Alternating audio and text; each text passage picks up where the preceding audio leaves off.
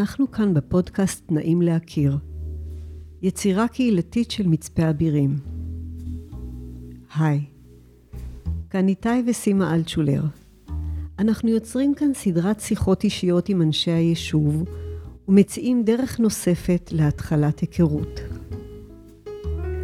ביישוב קטן כמו זה שבו אנו גרים, אנחנו עוברים האחד ליד השני, מנידים ראש או מברכים לשלום, מחייכים או לא, בכל אופן מתייחסים אל מי שעובר מולנו. פה ושם מדברים מעט בשיחה קצרה על השביל, או בדיון על נושא יישובי שעולה, אבל זה ממש נקודתי. כל אדם שאנו פוגשים בדרך הוא עולם שלם. איך ניתן להכיר את אותם אנשי אבירים ואת אותם העולמות? כאן, באולפן הקטן המאולתר שלנו בבית יונה, נוכל בכל מפגש להציץ מעט אל עולמות מגוונים של אנשי ונשות הקהילה שגרים כאן. זו הזדמנות להכיר באופן נוסף, לתת ולקבל בתוך הקהילה.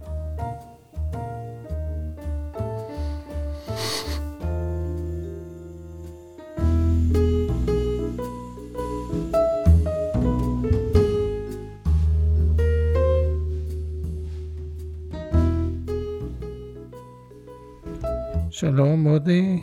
שלום איתי. אנחנו כבר הרבה זמן לא הקלטנו פה, ויש לנו את ההזדמנות לארח את אה, מודי אורון, שאני מכיר אותו 30 שנה מכיר ולא מכיר, אז אולי יהיה לנו הזדמנות קצת יותר להכיר. אז אה, בוא נתחיל, בסדר? בסדר גמור. בשביל זה באנו. כן. אוקיי, אז בוא תספר לנו משהו על השם שלך, על השם, שם פרטי, שם משפחה. לי קוראים, uh, הכינוי שלי זה מודי, שם בתעודת הזהות הוא מרדכי. Uh, למעשה זה השם שההורים שלי כינו אותי, אני חושב שזה על שם סבא, מרדכי זה על שם סבא שלי מצד אימא שלי. אחי הגדול קוראים לו הלל, וזה על שם סבא שלי מצד אבי.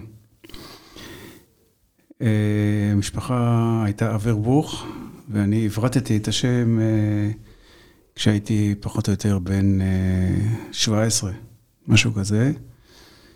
אורון זה די דומה לאברבוך, אבל לא, לא מעבר לנושא הפונטי והאותיות. וזהו, גיטה ואני, אנחנו למעשה המשפחה הראשונה שהגיעה לאבירים בדצמבר 80. הגענו לכאן מסיני, היינו בסיני, אני הייתי חמש שנים או שש שנים, וגיטה יותר. הייתה שם חיילת, מורה חיילת בבית ספר שדה צוקי דוד. ואני עבדתי במינהל האזרחי, עסקתי בעיקר בטיפול בבדואים בדרום סיני.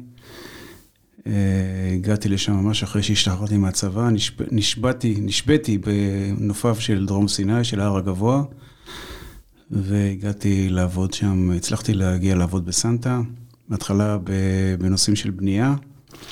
עבור הבדואים ועבור היישוב היהודי הקטן שהיה שם, הישראלי, ואחר כך למעשה עבודה עם הבדואים בנווה פירן ובסנטה קטרינה. וואו, אה, הרבה מה לשאול על הדברים האלה. אבל מה הביא בחור בן 17 לעברת את השם? אה, את הרוח התקופה, אני חושב. החלטנו יחד אה, במשפחה, גם עם ההורים וגם עם אח שלי, שנעברת את השם. וגם אח שלי עברת את השם. אותו דבר. אותו דבר, כן. ואנחנו אורון, גם הוא הלל אורון ואני מודי אורון. בצבא כבר הייתי אורון. אוקיי, ויש לך איזה סיפור פיקנטי עם, ה... עם השם איפשהו בעבודה, בצבא, ב... עם ש... הבדואים, איך הם יקלו את השם הזה? לא, הבדואים הכירו אותי בתור מודי, לא, לא בשם משפחה. בצבא, בטירונות, אה, לרוב קוראים לה, בטירונות שאני עשיתי, טירונות אה, של צנחנים, אז באמת קראו לכולם בשמות המשפחה, והייתי אורון, ככה קרא, קראו לי המ"כ שלי והסמל שלי. זה בעיה להיות באלף. אה, זה בעיה, כן, אבל גם אברבוך זה באלף, וגם בתור ילד הייתי תמיד הראשון ביומן. וכן, לא, לא פשוט העניין הזה, כן. אני רואה שגם אתה היית באלף, אז אתה מכיר את כן, הבעיה. אבל אני לא באלף ו', אני אלף ל', אז יש לי- עוד מישהו לפניי. כן, לא, לא, אני לרוב הייתי ראשון או שני, כן, בהחלט אה, בעיה. בייחוד אם רוצים להעניש מישהו, אז האלפים הם טובים. לא, תמיד זה לקרוא ראשון שיעורים, ואני לא הייתי מהחרוצים ביותר, ולהקריא וכולי וזה. אבל אה, זה מה שהיה, הכל בסדר. ככה הגענו עד הלום. אוקיי, אז בוא תספר לנו על מה אתה אוהב.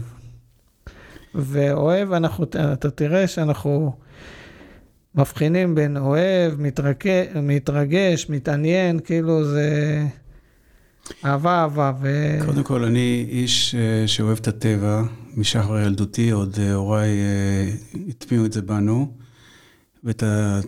ובעיקר להיות בטבע, ללכת בטבע, להסתובב, לטייל בטבע. ולכן גם אה, בשלבים יותר מאוחרים, אה, ורוב אה, תקופת הבגרות שלי, עבדתי ברשות הטבע והגנים, מה שהיה פעם רשות שמורות הטבע. הנושא הזה משך אותי מאוד, והתמזל מזלי וגורלי שפר עליי, והגעתי לעבוד בארגון הזה, עבדתי בו 34 שנים. אה, זה צד אחד. צד שני, אני איש אה, ביצוע, אני אוהב לבצע דברים, וגם דברים קטנים, הנה היום סיפרתי לך שאני עובד בנגרות ומבצע, עושה רהיטים, אבל גם דברים בהחלט גדולים. בתפקידים שעשיתי ב... בזמן שהייתי פעיל, שעבדתי, עשיתי תפקידים, מתפקידים יותר פשוטים של פיקוח ועד ניהול אה, בכיר. ותמיד היה חשוב לי לבצע דברים, לקבוע לעצמי תוכנית עבודה, ולהגיע ולבצע מה שהחלטתי ומה שצריך. הרשות זה לא גוף של אכיפה, כאילו סוג של משטרה של הטבע או משהו כזה?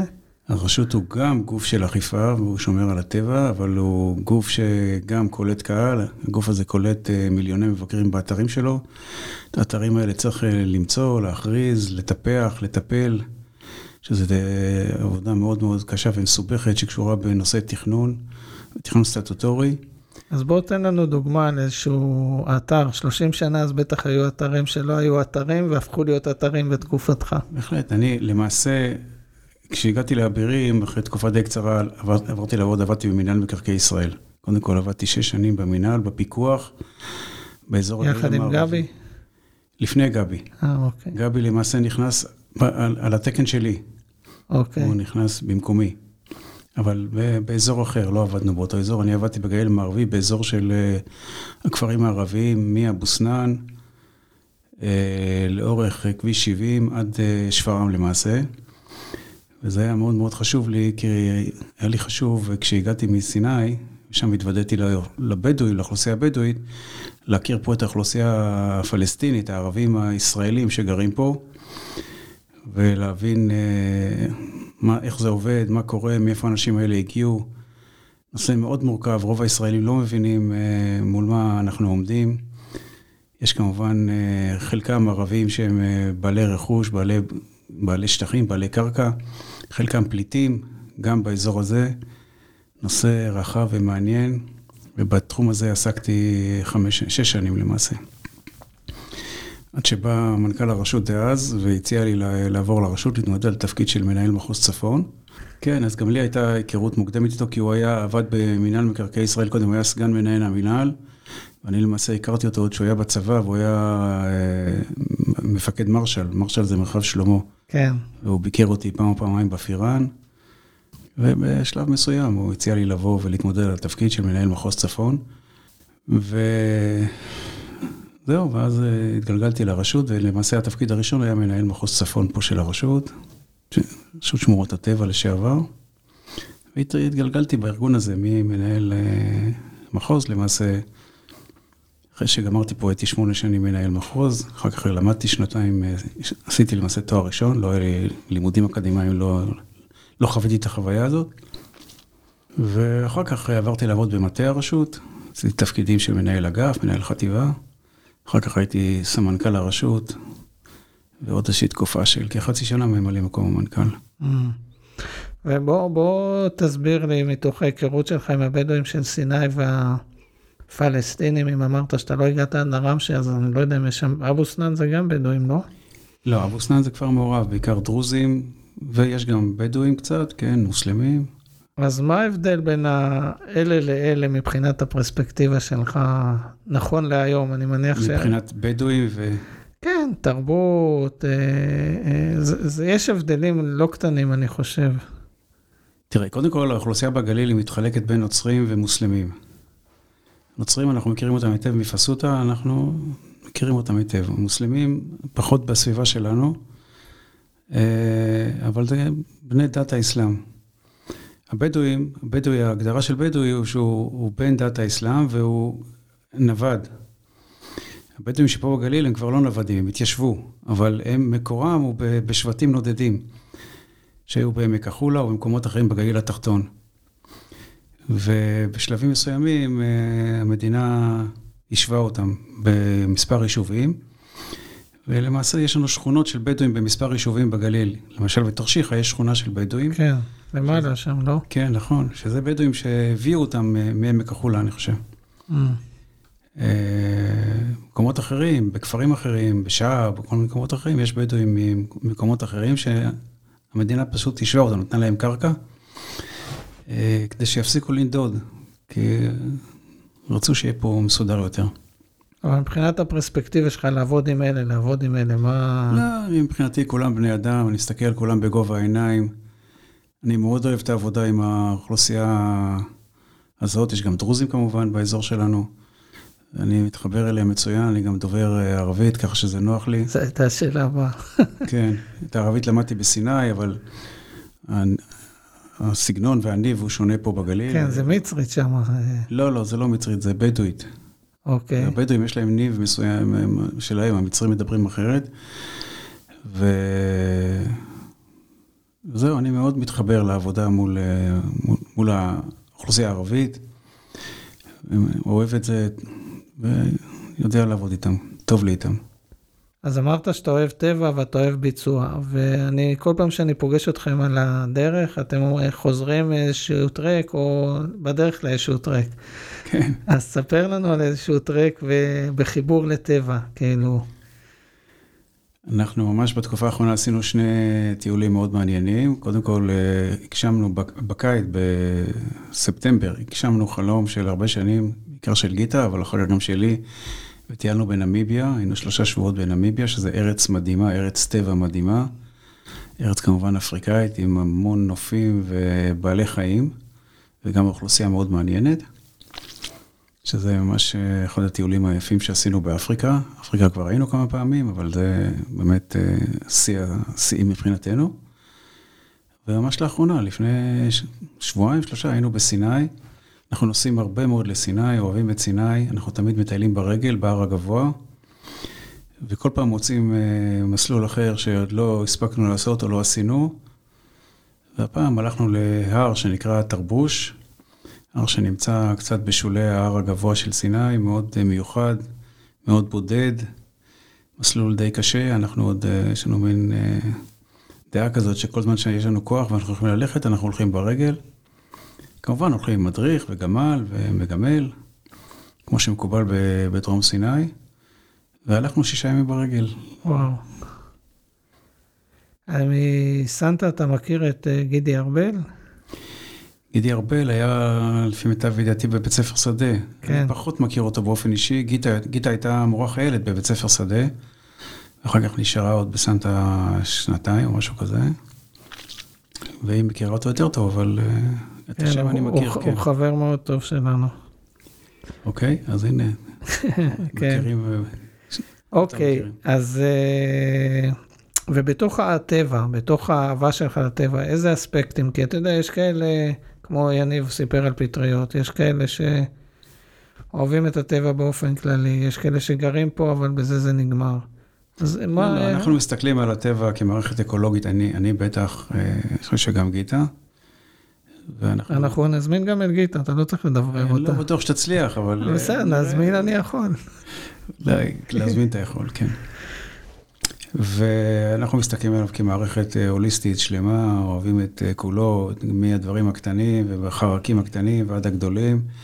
כמובן הצומח וכל, והקרקע, ואני גם אה, מאוד אוהב את תחום הגיאולוגיה. אתה מעורב, אתה מעורב גם בגינה, או זה רק של גיטה? לא, לא, אני מעורב בכל דבר. כן. בהחלט, כן. אז כן, תספר היה. לי על הגינה, כי כשאני באתי לשם היה... גיטה עשתה לי סיבוב וזה היה מרגש מאוד, אז כן, אז יש לנו למעשה בוסתן, הייתי קורא לזה יותר בוסתן, יש לנו קודם כל עצי פרי, שאנחנו אוהבים לגדל אותם וליהנות, אנחנו רוב ימות השנה כמעט לא נעזרים בחנויות וסופרים, אנחנו נהנים מפרי הגינה. למשל עכשיו יש לנו תפוזים ויש לנו פומל... פרי הדר בעיקר, שזה מה שמתאים לעונה הזאת, תפוזים ופומליות וקלמנטינות.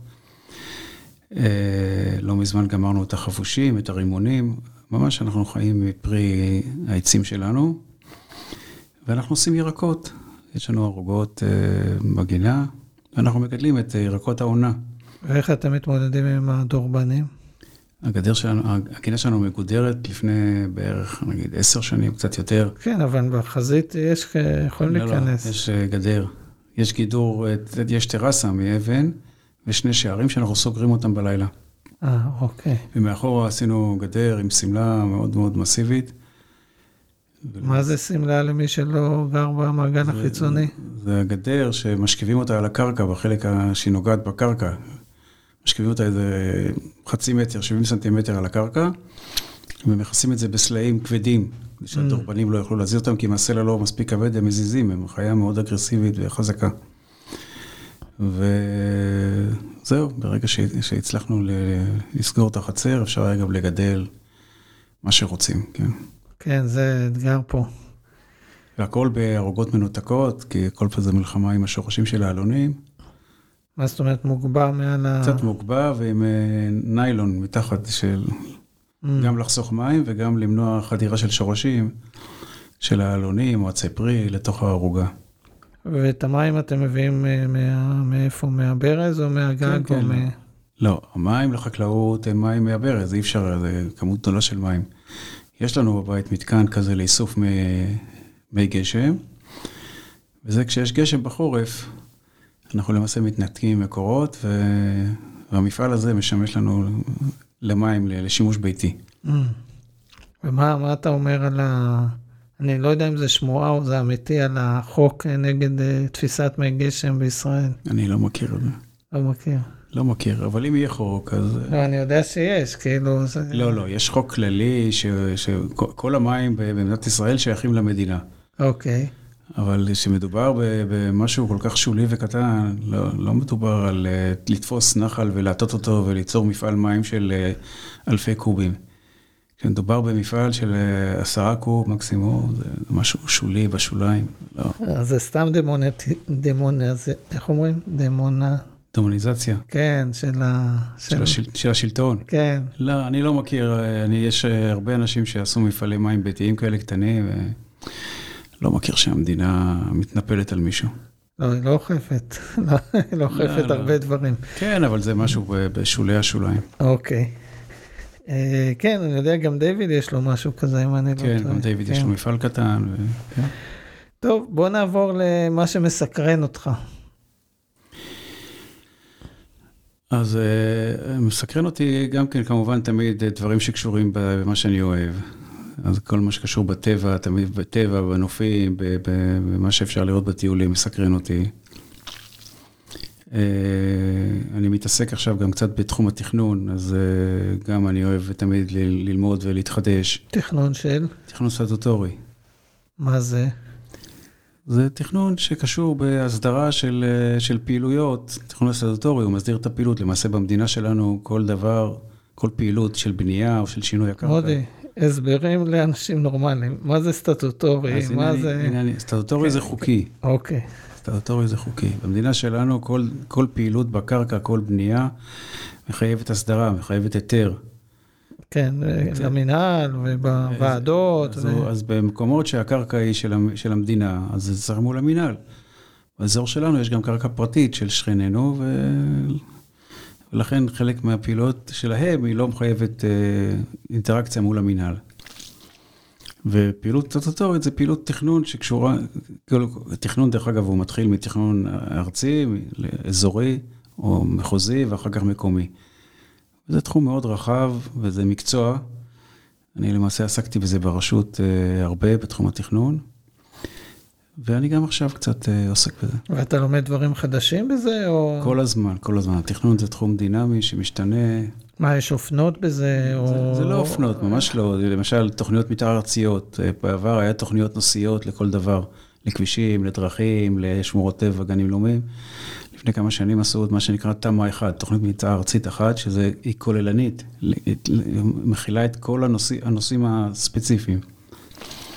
צריך ללמוד, והתכנון הוא דינמי, הוא משתנה, צריך כל הזמן ללמוד, להתעדכן. ואיך לומדים את זה? לומדים את זה, א', מלקרוא קצת חומרים. באינטרנט? באינטרנט, או? כן. להיות מחובר לאנשים, וברגע שאתה לוקח נושא מסוים ואתה רוצה להתעסק איתו, אתה באמת צריך ללמוד, לשאול, להתעניין. ואנשים גם, פתוחים ללמד את זה, גם כאילו? גם למזלי, הבן שלי, אלון, הוא גם בתחום הזה, הוא למעשה נציג משרד, הוא עובד במשרד החקלאות. הוא נציג משרד החקלאות בוועדה המחוזית של מחוז דרום. אה, אוקיי. אז שם יש לנו הרבה אינטראקציה בתחום הזה של תכנון. הרבה אני לומד ממנו על דברים חדשים. וגם, אה, כן, בקשר עם אנשים שעוסקים בתחום. ויש דברים שהם, אה, איך אני אומר, שאתה נהנה מהם אחרי הפנסיה, שאתה לומד דברים שלא לא התעסקת איתם, או לא היה לך פנאי להתעסק איתם קודם? מה שאני מתעסק עכשיו בפנסיה, מעבר, נושא התכנון הוא זה שעסקתי בו. בדיוק. ואני אוהב אותו ואני, ואני נהנה לעסוק בו, הוא נושא מאוד קשה, מסובך, מורכב. אנשים חוששים ממנו, וככל שיהיו הצלחות, תהיה מאוד, הרגשה מאוד טובה. אה, אבל הדברים שאני עושה היום, למשל כל תחום הנגרות, כל העבודה בידיים הייתה חסרה לי מאוד, כי עסקתי בניהול כל חיי המקצועיים. לא היה לי הרבה זמן. עשית כך. מה? עשית, לך לפה, לך לשם. הייתי, עסקתי בניהול, כן, כן, עסקתי בניהול. אז אה, בסדר, זה לא בדיוק עם האצבע כמו שעשית את זה, אבל... טוב, זה היה בהומור כמובן. כן, ברור. אבל אה, אה, פחות היה לי זמן להפעיל את הידיים שלי. כן. מעבר לאצבע, כמו שאמרת. אז עכשיו אני משתדל באמת גם... כמו שאמרתי לך קודם, אני יום בשבוע לפחות עושה נגרות. אצל אורן. אצל אורן, אבל אני גם עושה בבית, יש לי בבית נגרייה עם הרבה ציוד וכלים, ואני עושה דברים. אה, מי שיודע, עשינו את העגלות האלה לילדים, גיטה קולעת, אז אנחנו משלבים כליאה ונגרות ביחד. מה זה עגלות לילדים? עשינו מין עגלות כאלה לילדים, עגלות לבובות. אה, אוקיי. מאוד נחמדות. ו... ואני עוסק גם, ב, ב, אני מנסה לשקם את, ה, את הזיתים שלנו, את, את החקלאות שלנו, יש לנו זיתים. אבל זה פה ביישוב? לא, זה כן, רחוק. כן, כן, למטה. יש לכם אבל עוד שטחים, לא? לא, לא, יש לנו רק... היה לכם? אה, לא, לא, לא לקחנו עוד. יש לנו פה באזור החקלאי של היישוב, יש לנו עשרה דונם, כמעט, וגם אני מגדל אה, דבורים, מאז שאני בפנסיה אני מגדל דבורים. אה, אוקיי. זה גם כן תחום מדהים, מעניין מאין כמוהו, מורכב מאין כמוהו. גם דיוויד בקטע הזה, לא? דיוויד קצת. אה, הוא? דיוויד עוד קטן. הוא עשה קורס, יש לו כוורת אחת והוא לומד. כן. אבל הוא, בהתלהבות הוא 100% בזה. בהתלהבות הוא 100%, כן. זה תחום מאוד מעניין, מדהים. הדבורה היא חיה מדהימה, סופר אורגניזם, ומאוד מאתגר גם. לגדל דבורים זה תחום מאוד מאתגר. ותספר לנו על ה... הרי זה... עכשיו זה בחדשות, כי יש משבר הדבורים ויש... אה, יש כבר אז... הרבה שנים כבר. אוקיי, אז ספר לי את הפרספקטיקה שלך על הנושא הזה. אני מתמודד עם הקושי של גידול דבורים, כי בהחלט יכול להיות שיש לך כוורת, ופתאום אתה נוסע, היינו בנמיביה למשל, חזרנו, שתי כוורות אה, ברחו, התמוטטו, היו ריקות. אז uh, הדבורים הם, הם חיה שכנראה במצוקה גדולה מאוד. הנושא הזה לא מספיק ברור, חוקרים את זה ומנסים לגלות למה זה. כי הדבורה זה בעל חיים, בעל חשיבות אדירה. למעשה חלק גדול מאוד מהמזון שאנחנו אוכלים, זה מזון שהדבורה היא שותפה בייצור שלו, בהאבקה. אה, ואם לא יהיו דבורים, אז חלק גדול מהמזון לא יכול להיות מיוצר. ו...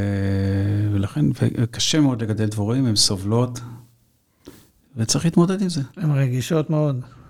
הן רגישות, כן, הן רגישות לרעלים כמובן, הן רגישות לשינויי אקלים, הן רגישות להרבה דברים, כן. אז איפה, בגינה שלכם? אז יש לנו בזיתים אה, שתי כוורות, שלוש כוורות, יש לנו בגינה כמה כוורות, ויש לי גם בעוד, בעוד מקום אחד, mm. מחוץ לאבירים. וואו. טוב, אז אני אעבור בככה, לא יודע אם זה כזה דרמטי, אבל אה, מה בשבילך זה מקום של שקט? שקט זה דבר אה, אבסולוטי, איפה ששקט אז שקט. אה. לא, בשבילך באופן אישי. כן, אני... בני אמר לי שבשבילו הודו זה מקום של שקט. אני לא חושב שבהודו זה שקט, אבל בשבילו כן. לא. עכשיו הוא בהודו, שקט לא. בשבילי מקום שקט זה מקום אה, לרוב אה, בטבע, אפילו גם בבית, שלא לא רועש מסביב, אבל בטבע ש... דרך אגב, אה, שקט של, של דברים, אתה יודע, של, של רעש שיוצרים בני אדם.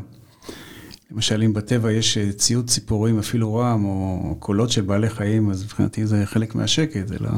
אוקיי. Okay. אבל uh, בעיקר, אני, קשה לי מאוד עם רעש של בני אדם, של מכוניות, של טרקטורונים, של אופנועים, דברים מהסוג הזה.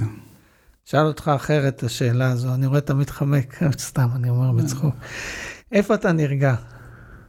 אם אתה צריך, יכול להיות שאתה כל הזמן לא, רגוע. לא, א', אני יחסית בן אדם רגוע, אני לא יותר מדי אה, סוער. אבל uh, למשל, שאני בבוקר בזיתים ואני מטפל בהם, גוזם, עושה או משקה, זה, זה שלווה אמיתית. אוקיי. Okay. טוב, עכשיו אנחנו, נראה לי שזה יתחבר לשיחה שנוצרה בזמן הת... הכנת התה. מה הדברים שמרגשים אותך? אני חושב שבסוף הכל מסתובב סביב אותו דבר, ומרגשים אותי תופעות טבע יפות. לא, אני, דיברנו קודם על הנכדים, אני חותר למטרה הזו. בגלל זה מה הזכרתי את התה. קודם כל, המשפחה היא חשובה לנו בצורה בלתי רגילה. אני אוהב את המשפחה שלי, אנחנו אוהבים גיטה ואני, אנחנו משקיעים הרבה במשפחה. לצערי, הם לא גרים אה, קרוב אלינו, אז uh, קצת uh, המרחק מקשה, אבל אנחנו משתדלים מאוד, פעם בשלושה שבועות, לפגוש את המשפחה, את הנכדים. אנחנו בקשר כמובן יומיומי בטלפון. והמשפחה זה ערך אה, הכי, הכי חשוב אולי מכל הערכים שאני מכיר, וחשוב לנו להיות בקשר ולהיות ביחד ולעזור אחד לשני ככל שצריך, וזה זה, זה הכיף שבחיים. אוקיי, okay, ומה אתה רצית להגיד? אני רציתי לשמוע על הנכדים, אז עכשיו מה שאתה לא, רצית להגיד. קודם כל, ההכוונה שלך היא בסדר גמור. באמת, אה, לא דיברתי על המשפחה. המשפחה, קודם כל, זה הערך העליון והחשוב ביותר. וזה גם דבר טבעי. ל, לא, לא יודע אם לכולם, יש לא, זה חלק מהטבע. אה. כן, זה חלק מהטבע, אבל יש אנשים שלא בהכרח המשפחה, לא יודע. נכון, נכון, כן, יש. לא, לנו המשפחה מאוד מאוד חשובה, לי באופן אישי חשובה. הקשר שלי עם הילדים שלי, עם הנכדים שלי, הוא דבר אה, אולי הראשון במעלה, עם, כמובן עם אשתי, עם זוגתי, וזה הדבר בעל החשיבות הגדולה ביותר. טוב, אז מכל הדברים, אנחנו חותרים ככה לקראת uh, סיום, מכל הדברים שאמרת, סליחה, מה אתה מוצא ב... אבירים, או היית רוצה למצוא... כאילו, זו שאלה היחידה שמחברת את האדם לפודקאסט הקהילתי. תראה, אנחנו באמת, קודם כל, התמזל מזלנו, ושפר עלינו גורלנו, ואנחנו היינו מבין הראשונים, היינו הראשונים באבירים, אבל בסוף אחר כך הצטרפו עוד אנשים כאלה ואחרים. אני לא יודע אם אתה יודע, באבירים בהתחלה היה פה גרעין חיפאי, שרק... אני רק יודע שהיה פה מהנדסים ומשהו אחר, והיה כאן שתי... לא, לא, היה... כשאנחנו למעשה התחלנו להתעניין אה, בהתיישבות, אחרי שלמעשה החזירו את סיני והחזירו גם את ביתנו, אנחנו מסנטה עברנו לשארם, היינו איזושהי תקופה בשארם, ומשם הפעלנו איזשהו מעבר גבול בנחל סעל, שעברו שם אה, תיירים למעשה, מאילת לסנטה. ואז שהיה ברור שהשלום, אנחנו תמכנו בשלום, דרך אגב, במצרים, והבנו שאנחנו מאבדים את ביתנו, אבל תמכנו בשלום הזה, ו... ואז התחלנו לחפש מקום לגור היה ברור שאנחנו רוצים לגור במקום, ביישוב קטן, לא ביישוב גדול.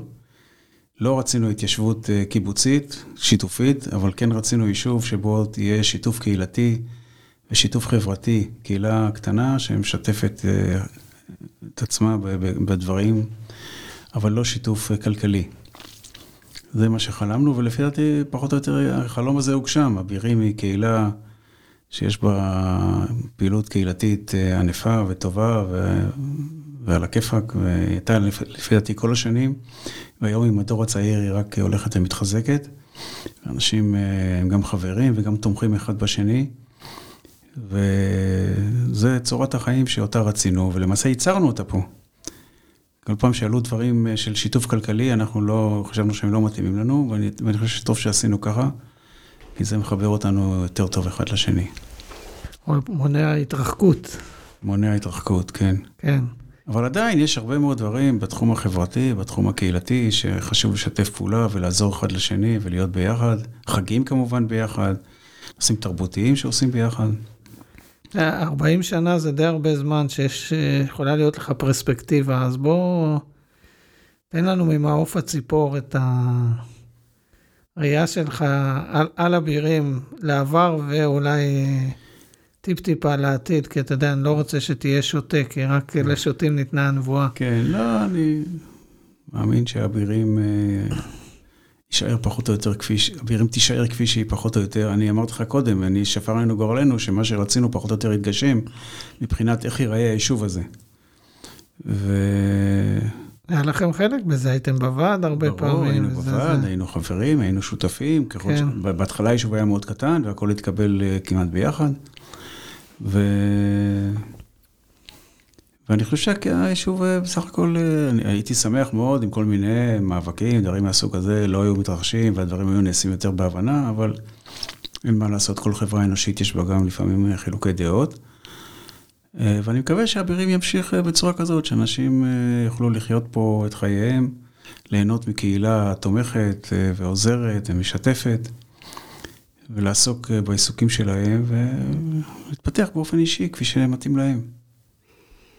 יופי, תודה רבה מודי. תודה רבה איתי, וברכות על המפעל היפה הזה, תודה. ואני מקווה שאנשים באמת אה, שומעים את זה. הם שומעים, שומעים, שומעים. יש אנשים שמחכים, שואלים אותי, מה, נו, אין לכם עוד אנשים? כבר שמעו את כולם. יופי, בסדר גמור, תודה רבה. תודה.